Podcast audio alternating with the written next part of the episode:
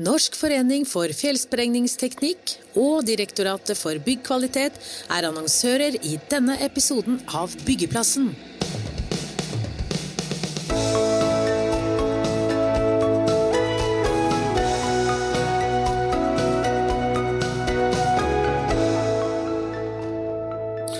Hvordan vil kunstig intelligens påvirke byggenæringen? Velkommen til denne episoden av Byggeplassen live fra Bygg Arena Arendal. Jeg heter Christian Aarhus, og med meg som programleder har jeg som vanlig Frode Haga. Det fins en byggeplass i Antwerpen dekka av et stort seil med følgende tekst. Hei, chat GPT, finish this building. Ja, og i dag så skal vi ha med oss konsernsjef i Mesta, Marianne Røren, og konsernsjef i AF-gruppen, Amund Tøftum, som eh, skal snakke litt om kunstig intelligens. Og Amund, jeg har lyst til å begynne med deg. Uh, ChatGPT, klarer han noen gang å fullføre det bygget i Antwerpen? Det skal jeg ikke uttale meg om eksplisitt, men i hvert fall det vi tror, er at kunstig intelligens først og fremst vil være med å gjøre oss mer effektive og hjelpes i de prosessene og den uh, produksjonen vi allerede har i dag. Mm. Ja, og du skal få ett til spørsmål, du. For når ChatGPT kom i eh, november 2022, så var det mange av oss som klødde litt i fingrene til å spørre denne chat-roboten om noe. Jeg er sikker på at du har gjort det samme. Hva var det du spurte ChatGPT om? Ja, det gjorde jeg faktisk. Og, og øh, jeg skrev 'Hva er bygg?' for jeg skulle forberede meg til en presentasjon. Og jeg håper du visste det. jo, men jeg tenkte liksom jeg skulle få svar på det her, da. Så, eh, og svaret var det er et kornslag som uh, proteinrikt som brukes bl.a. i uh, å lage brød og øl. Så det var det svaret jeg fikk. Det var mitt første spørsmål. Forholdsvis greit svar, i hvert fall her under Arendalsuka antageligvis. Og Marianne ja.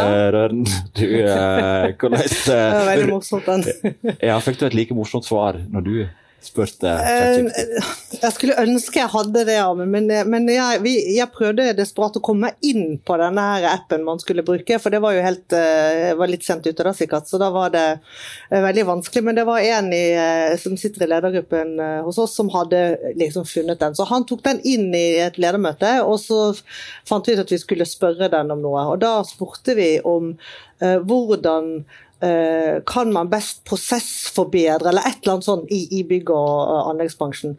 Og da var den ganske eh, god, da. Da kom det, kom det ut mange ting som vi var veldig sånn Vi ble veldig sånn wow, kan svare på det òg. Så har jeg lært siden at den svarer ikke alltid li, like, like presist, og, og, kan jo gjøre noen ganske grove bommerter. Ellers så tror jeg det er barna mine som Eh, PT har brukt den mest til å um, gjøre diktanalyser og det som er.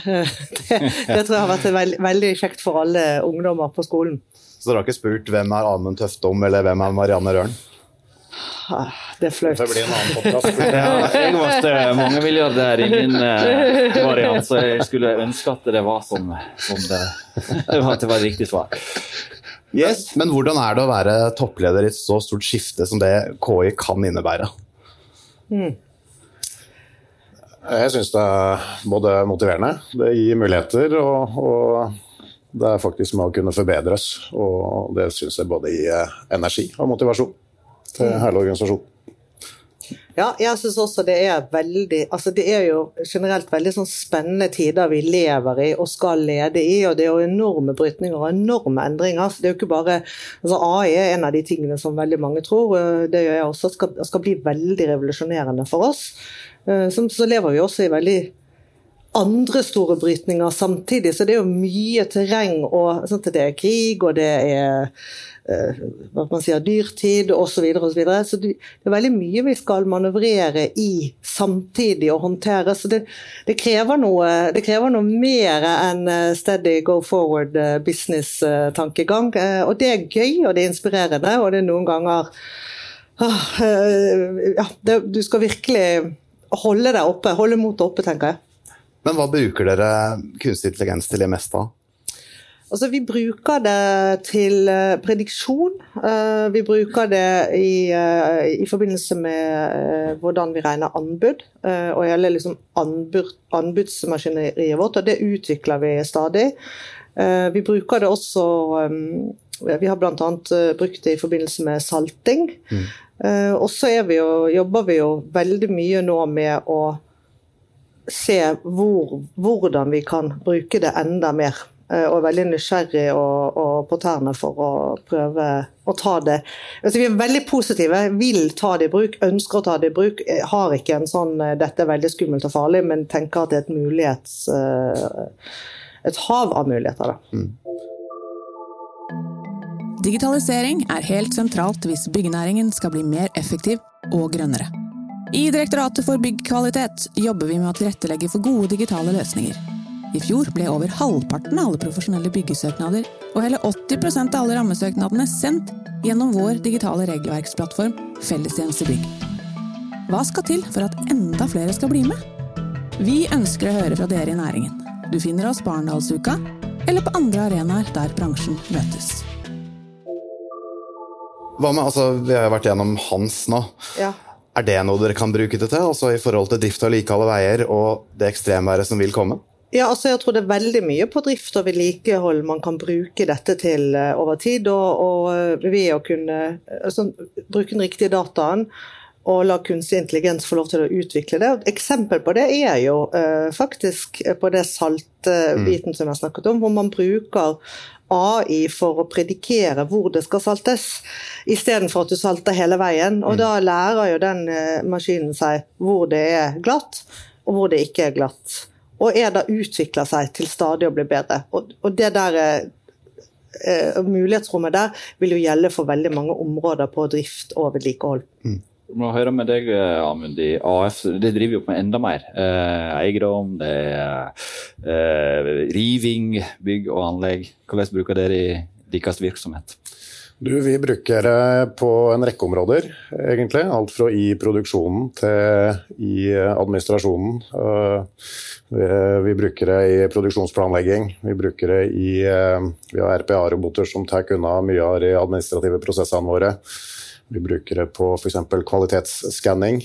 Vi eh, identifiserer HMS-risikoer. Eh, og rett og slett, det, er, det, begynner å bli en del av hverdagen uh, ute i prosjektene og i drifta vår. Det er noen deler av byggenæringen som du tror vil bli mer påvirka enn andre. Det er jo arkitekter her, det er rådgivere her, det er entreprenører. Nei, altså jeg tror eh, mer generelt at dette er med og skal løfte eh, næringa. Vi i AF vi bruker det for å forbedre. Altså vi er veldig opptatt av å forbedre de prosessene vi har, eh, og forbedre produktene våre. Mm. Vi tror at dette her er med å styrke allerede flinke folk som har djup fagkompetanse. Så dette er et verktøy. Og så var dere ganske tidlig ute med, med AI eller KI. Dere begynte å samarbeide med Spacemaker allerede i 2017. Mm. I 2019 gikk dere inn på eiersida. Mm. Og var med helt til det ble solgt videre til amerikanske Autodesk. Fortell litt om den Spacemaker-satsinga, hva det har betydd for AF og, og kunstig intelligens. Ja, Vi satte egentlig en strategi allerede i 2016 på at innovasjon og digitalisering skulle være en av de fire satsingsområdene i AF. Og bl.a. Uh, Spacemaker uh, et av flere ting vi var så heldige å få være med på uh, framover da. Eh, det gjorde at vi fikk eh, både operativ erfaring med å jobbe med eh, startup-selskaper, og etter hvert fikk vi også lov til å gå inn på eiersida, som ga oss erfaring for å sitte på eiersida i startup-selskaper innen teknologiutvikling. Og Det har vi egentlig tatt med oss. Så I dag så har vi fortsatt innovasjon som en av de fire strategisk viktigste satsingsområdene våre. Og vi er med i forskningsprosjekter. Blant annet så blir vi støtta, eh, er vi med på et EU-støtta eh, e forskningsprosjekt. Vi har eh, et titall programmerere i organisasjonen som er med å smøre prosessene våre rundt om. Og vi har òg investert i i hvert fall sju selskaper som enten benytter AI eller er med å utvikle AI. Så har vi faktisk en software som vi utvikler sjøl. Ja, mm. Det kan vi komme over inn på. Ja. Men når det går inn i sånne selskaper, er det først og fremst en økonomisk investering for å få avkastning, eller er det for å få uh, fordeler i driften deres? Altså, vi er opptatt av verdiskapning, eh, enten det er for samfunnet, kundene eller ansatte. Og det er absolutt en eh, forlenga arm til det. Uh, men verdiskapning kan være så mangt. Åpenbart lønnsomme, men f.eks. Minuendo, som vi òg investerer i, de driver med smarte hørselvern. Som gjør at ja, redusere de skadene støy påvirker fagarbeiderne våre. Så det er jo åpenbart en, både en helsegevinst og, og ja, gi samfunnsnytte gjennom det. Så kan du si litt om det, det selskapet dere faktisk eier, og som jeg skjønner nå at dere også har fått eksterne kunder i. Uh, ja, Nå tenkte du på det vi utvikler ja. uh, sjøl. Ja, vi ut, utvikler et, uh, et, program, Klara, hvor vi benytter den kompetansen vi har både på risikostyring um, i, i, i, drifta, med framdriftsplanlegging, for å bare kunne avdekke de farene som oppstår når vi, når vi produserer. og Det er jo et program som vi har, tar i bruk sjøl, og så ønsker vi å ikke å konkurrere på sikkerhet. Så der er andre aktører i bransjen eller i, i, som driver med prosjektvirksomhet, hjertelig velkommen til å, å være med og, og benytte. Og um, vi tror jo det er med å øke både kompetansen vår og det øker hva skal jeg si, uh, sikkerheten i prosjektene våre over tid. Så um, det er vi veldig stolte av, og det utvikler vi sjøl. Og så er jo ledelse, Du var inne på det at nå var det vanskelig, det dyrt i krise med krig, og, og det meste eh, går litt på tverke, har vi inntrykk av når en leser nyhetene. Men eh, ledelse det handler jo om å ta gode beslutninger. og Kan ikke dette være et verktøy da, til å navigere i disse vanskelige tidene òg? Jo, absolutt. Altså, jeg, jeg, jeg tror jo dette kan være et verktøy også for det å lede og tenke på hvordan du skal lede, men kanskje viktigst av alt så er det noe med hvordan du som leder tar imot denne type ganske transformative endringer. Eh, og det, Når du hører på Amund snakke nå, så er det jo veldig det er veldig proaktivt. Det er veldig mulighetsorientert. Det er veldig sånn at Du tar det inn i bedriften og du legger opp til at folk skal få lov å teste, forsøke. Og Jeg tror det er kanskje det viktigste form, hvis vi skal snakke om, om både digitalisering og, og kunstig intelligens. og dette, Det er jo åpne opp for at dette gir masse muligheter, og så la liksom lede på en måte sånn at de flinke folkene der ute kan få lov til å komme opp med sine løsninger. Og Det ser vi mest at veldig mye av det vi får til, det er basert på det som løses der ute. At du liksom har åpnet opp for at de kan få komme med forslagene. Man kan få prøve, man kan få teste, man kan feile. Og man prøver, tester og lykkes. Mm. Så, så, jeg tror for AIS er det viktigste lederne der gjør, er å være modige og ikke, ikke være sånn kontroll, kontrollerende og kommanderende, men mer sånn motiverende. Legge til rette for at eh, det kan skje den type For dette er nybrottsarbeid. Det er masse vi ikke kan. Ja, men Hvor høyt står det på agendaen? da? Du tok oss med inn eh, bak dørene eh, når du sjekka chat-GPT-en. Men ja. er det på agendaen i styremøter og i ledermøter i, ja. i Mesta? Altså Det er både på agendaen, og så er det jo allerede altså Vi bruker jo dette ute i produksjonen. Vi bruker det til å kalkulere. Vi bruker jo det allerede, men kanskje den største forskjellen nå er jo ikke bare det som er maskinlæring, men også det generative AI-en, som, som jeg tror vi alle, Det er jo ingen av oss som kan stå her og gi svaret på hvor kommer dette til å ta oss. Så Det eneste vi kan gjøre er å legge til rette for at vi kan ta det i bruk på best mulig måte. Hos oss så fyller det mye i styret, og det fyller mye i ledergruppen. Ekstremt opptatt av det. og eh, eh, og jobber strategisk eh, og satser på området. og legger til rette for. Åpenbart det er gjort, i og med at dere har tatt, investert i sju selskap og satsa internt.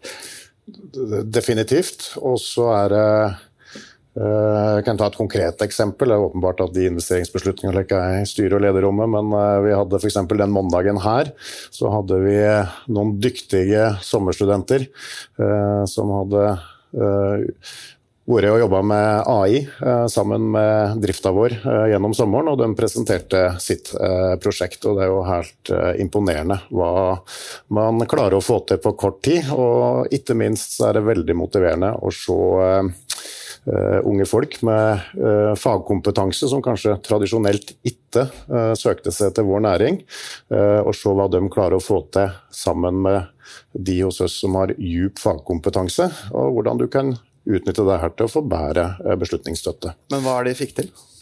Eh, akkurat de her eh, klarte å predikere hvordan vi skulle optimalisere varmebruken og energibruken i, bygg. Hvordan vi kan gjøre det mye bedre for å spare energi. Men vi har andre eksempler på hvordan vi f.eks. hjelper boreoperatøren med beslutningsstøtte knytta til hvordan man skal bore inn i tunnelen. Så Det dreier seg fort om beslutningsstøtte, men det tas jo beslutninger overalt i organisasjonen. Og dette her er jo med på å forbedre prosessene våre. Så eh, det er ikke så mystisk som det kanskje kan høres ut som. For mystisk er jo én ting, men det er jo også det etiske rundt det her. Mm. Er det noen etiske problemstillinger knytta til bruk av kunstig intelligens i byggenæringen?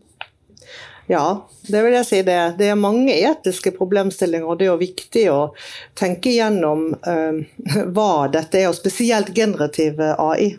Der skjer det jo noe i prosessen som eh, faktisk ingen kan helt gjøre rede for. Mm. Eh, og, og, og, da begynner det å bli litt sånn Kan det bli litt ubehagelig. Men jeg tror at problemet med det etiske er langt større utenfor kall det næringsliv og forretningsliv. Det er mye større i samfunnsmessig kontekst, trusselbilde, eh, altså eh, hva som kan skje mer på sånn overordnet eh, nivå. Likevel er det, er det, etiske problemstillinger som gjør at vi bl.a. har et, allerede innført policies for hvordan du kan bruke AI, og spesielt det generative. For det betyr jo alt du putter inn i den maskinen, er jo med på å utvikle den maskinen. og Da skal man begynne å tenke, tenke seg om men er det ting du sa at dere bruker i anbudsprosesser f.eks. Og, ja. og eh, er det ting dere kan mate inn av informasjon der som kan være problematisk å gi slipp til en tredjepart? Du skal i hvert fall ha, et, eh, du skal i hvert fall ha altså det er litt sånn, Hva er det du ønsker å dele, og hva du ikke ønsker å dele. Nå er jeg, veldig, tenker at Det er veldig mye man ønsker å dele, for det er veldig sjelden at det er liksom de store forretningshemmelighetene. I, men, men man, må likevel man må tenke på det. Og så må man kanskje også tenke på um, hva er det som kan oppstå av problemer hvis du liksom gir feil. Så det, det, det som jeg tror veldig mange jobber med, det er jo Skal vi ha vår egen maskin, eller skal vi bruke den maskinen som mm. alle andre eh, bruker?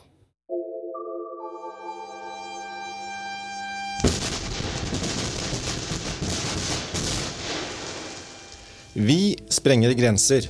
Utfordringer i dagen, løsninger i grunnen. Hilsen oss i NFF, Norsk forening for fjellsprengningsteknikk. Vi er der det skjer. Besøk vår stand under Arendalsuka. Hvordan eh, ser det ut på retningslinjenivået i AF på AI? Eh, man skal alltid være seg bevisst når man tar i bruk ny teknologi. Samtidig så ønsker vi å avmystifisere litt òg eh, AI. Så vi mener jo at ved bruk av teknologi så må du selvsagt se at det ivaretar allerede lover og retningslinjer. Eh, men noen egne retningslinjer utover det har ikke vi.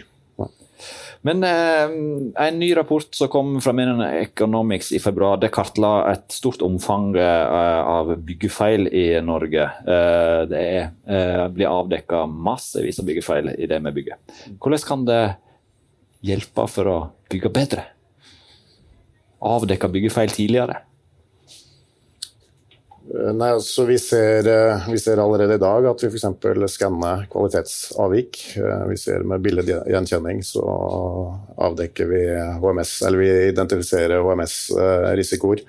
Og det er egentlig med å gi oss bedre beslutningsstøtte underveis. Mm. Så jeg ser vel liksom ingen grense for hvor det kan hjelpes. Eh, og jeg tror at det er med, med på generelt så er det med rett og slett å gi oss bedre, mer effektive prosesser. Det vil gi oss, vil gi oss høyere kvalitet og bedre produkter på sikt. Effektive prosesser er vel en nøkkelfaktor her, at mm. det skal bli mer effektive. Og Da er det en kamp mellom menneske og maskin hjemme. Og det trenger jo mennesker. Det bygget i Antwerpen det blir ikke ferdig uten håndverkerne. Eh, men hvor stor fare er det for at håndverkerne mister jobben sin? Nei, altså jeg tror jo eh, Når vi gikk fra håndmår til spikerpistol, så ble det ikke noe mindre behov for uh, snekkere.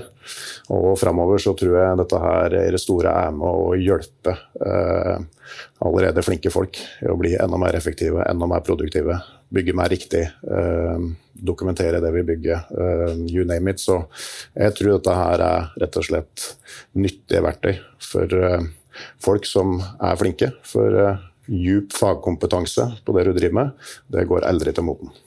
Trenger mest ansatte å være bekymra for sine jobber? Nei, jeg, jeg, tror ikke, jeg, tror ikke, det. Og jeg, det, det er liksom perspektiv. Så at altså alle store teknologiske skifter, den industrielle revolusjonen osv., hvor man tar, har jo bare vist at uh, det faktisk blir flere folk i arbeid man bare jobber annerledes.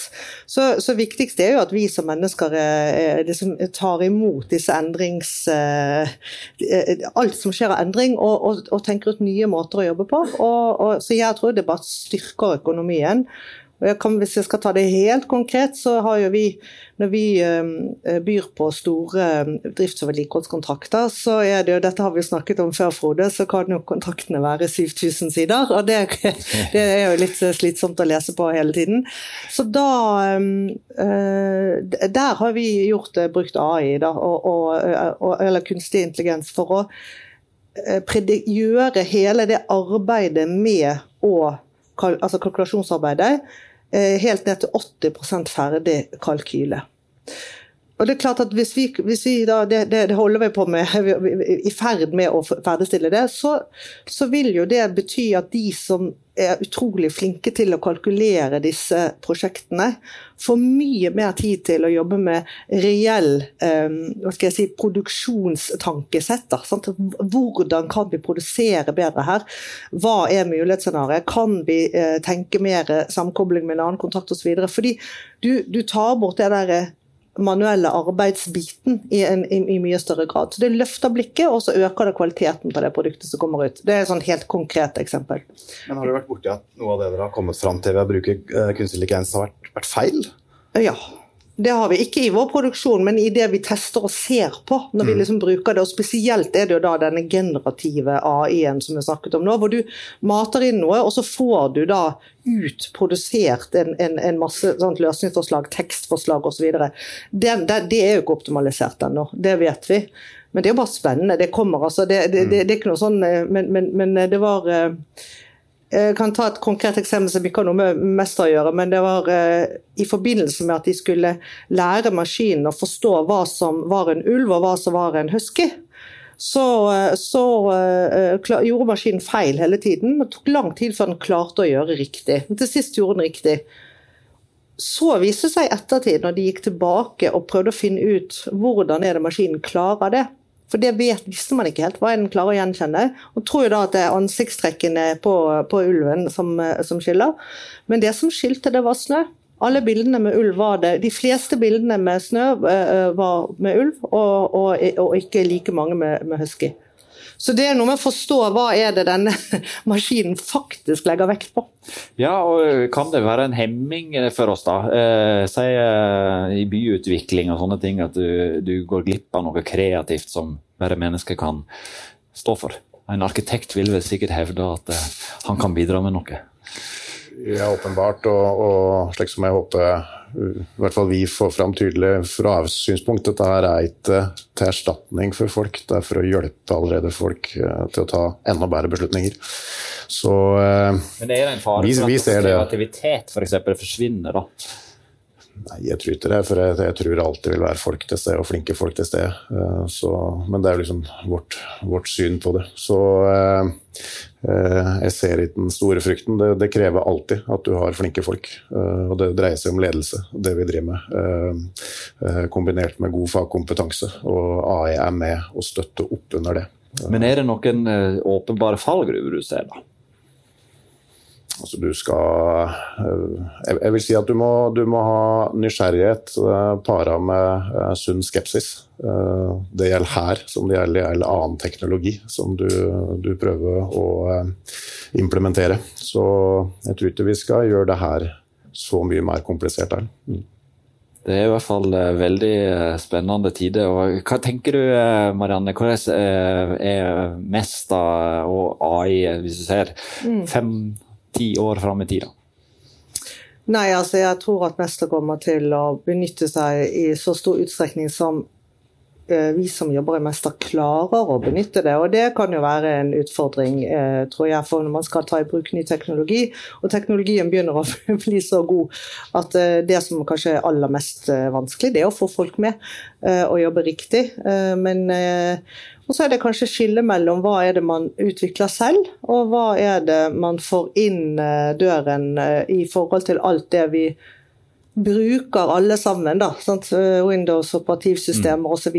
Vi vil jo da ta inn deres AI helt uh, automatisk. Uh, så, så, vi vil få det inn alle, alle veier. Uh, så nei, jeg, jeg, håper og tror at vi blir gode, gode, på det og bedre hele tiden. Og du må få svare med dine framtidsbriller òg. Ja, det dreier seg om i AF å stadig rekruttere og utvikle i skarpeste uggene og de flittigste nevene. Og en del av det framover er å tiltrekke seg kompetanse innad det her. Og da er det egentlig opp til de flinke folkene vi har, hvor langt man klarer å strekke det på ti år. Men vi kommer fortsatt til å være nysgjerrige på å ta det i bruk i eh, produksjonen. Vi kommer fortsatt til å investere i eh, startup-selskaper og annen teknologi som kan være med å hjelpe bransjen, og for så vidt AF. Og så skal vi se hvor langt vi klarer å ta det. Vi satser vel på at vi eh, får beholde jobba i hvert fall litt til som journalister og podkastverter, selv om jeg så at journalister var høyere oppe på lista enn bygningsarbeidere. Uh, vi er mer utsatt. altså. Og vi har hatt eh, noen introer i en annen episode av Byggeplassen der KI snakka, så ikke vær for trygg. Men jeg håper vi er på plass igjen i morgen, i hvert fall, for da har vi en ny podkast her fra Byggarena Arendal. Takk til Amund og Marianne, og takk til dere som lyttet.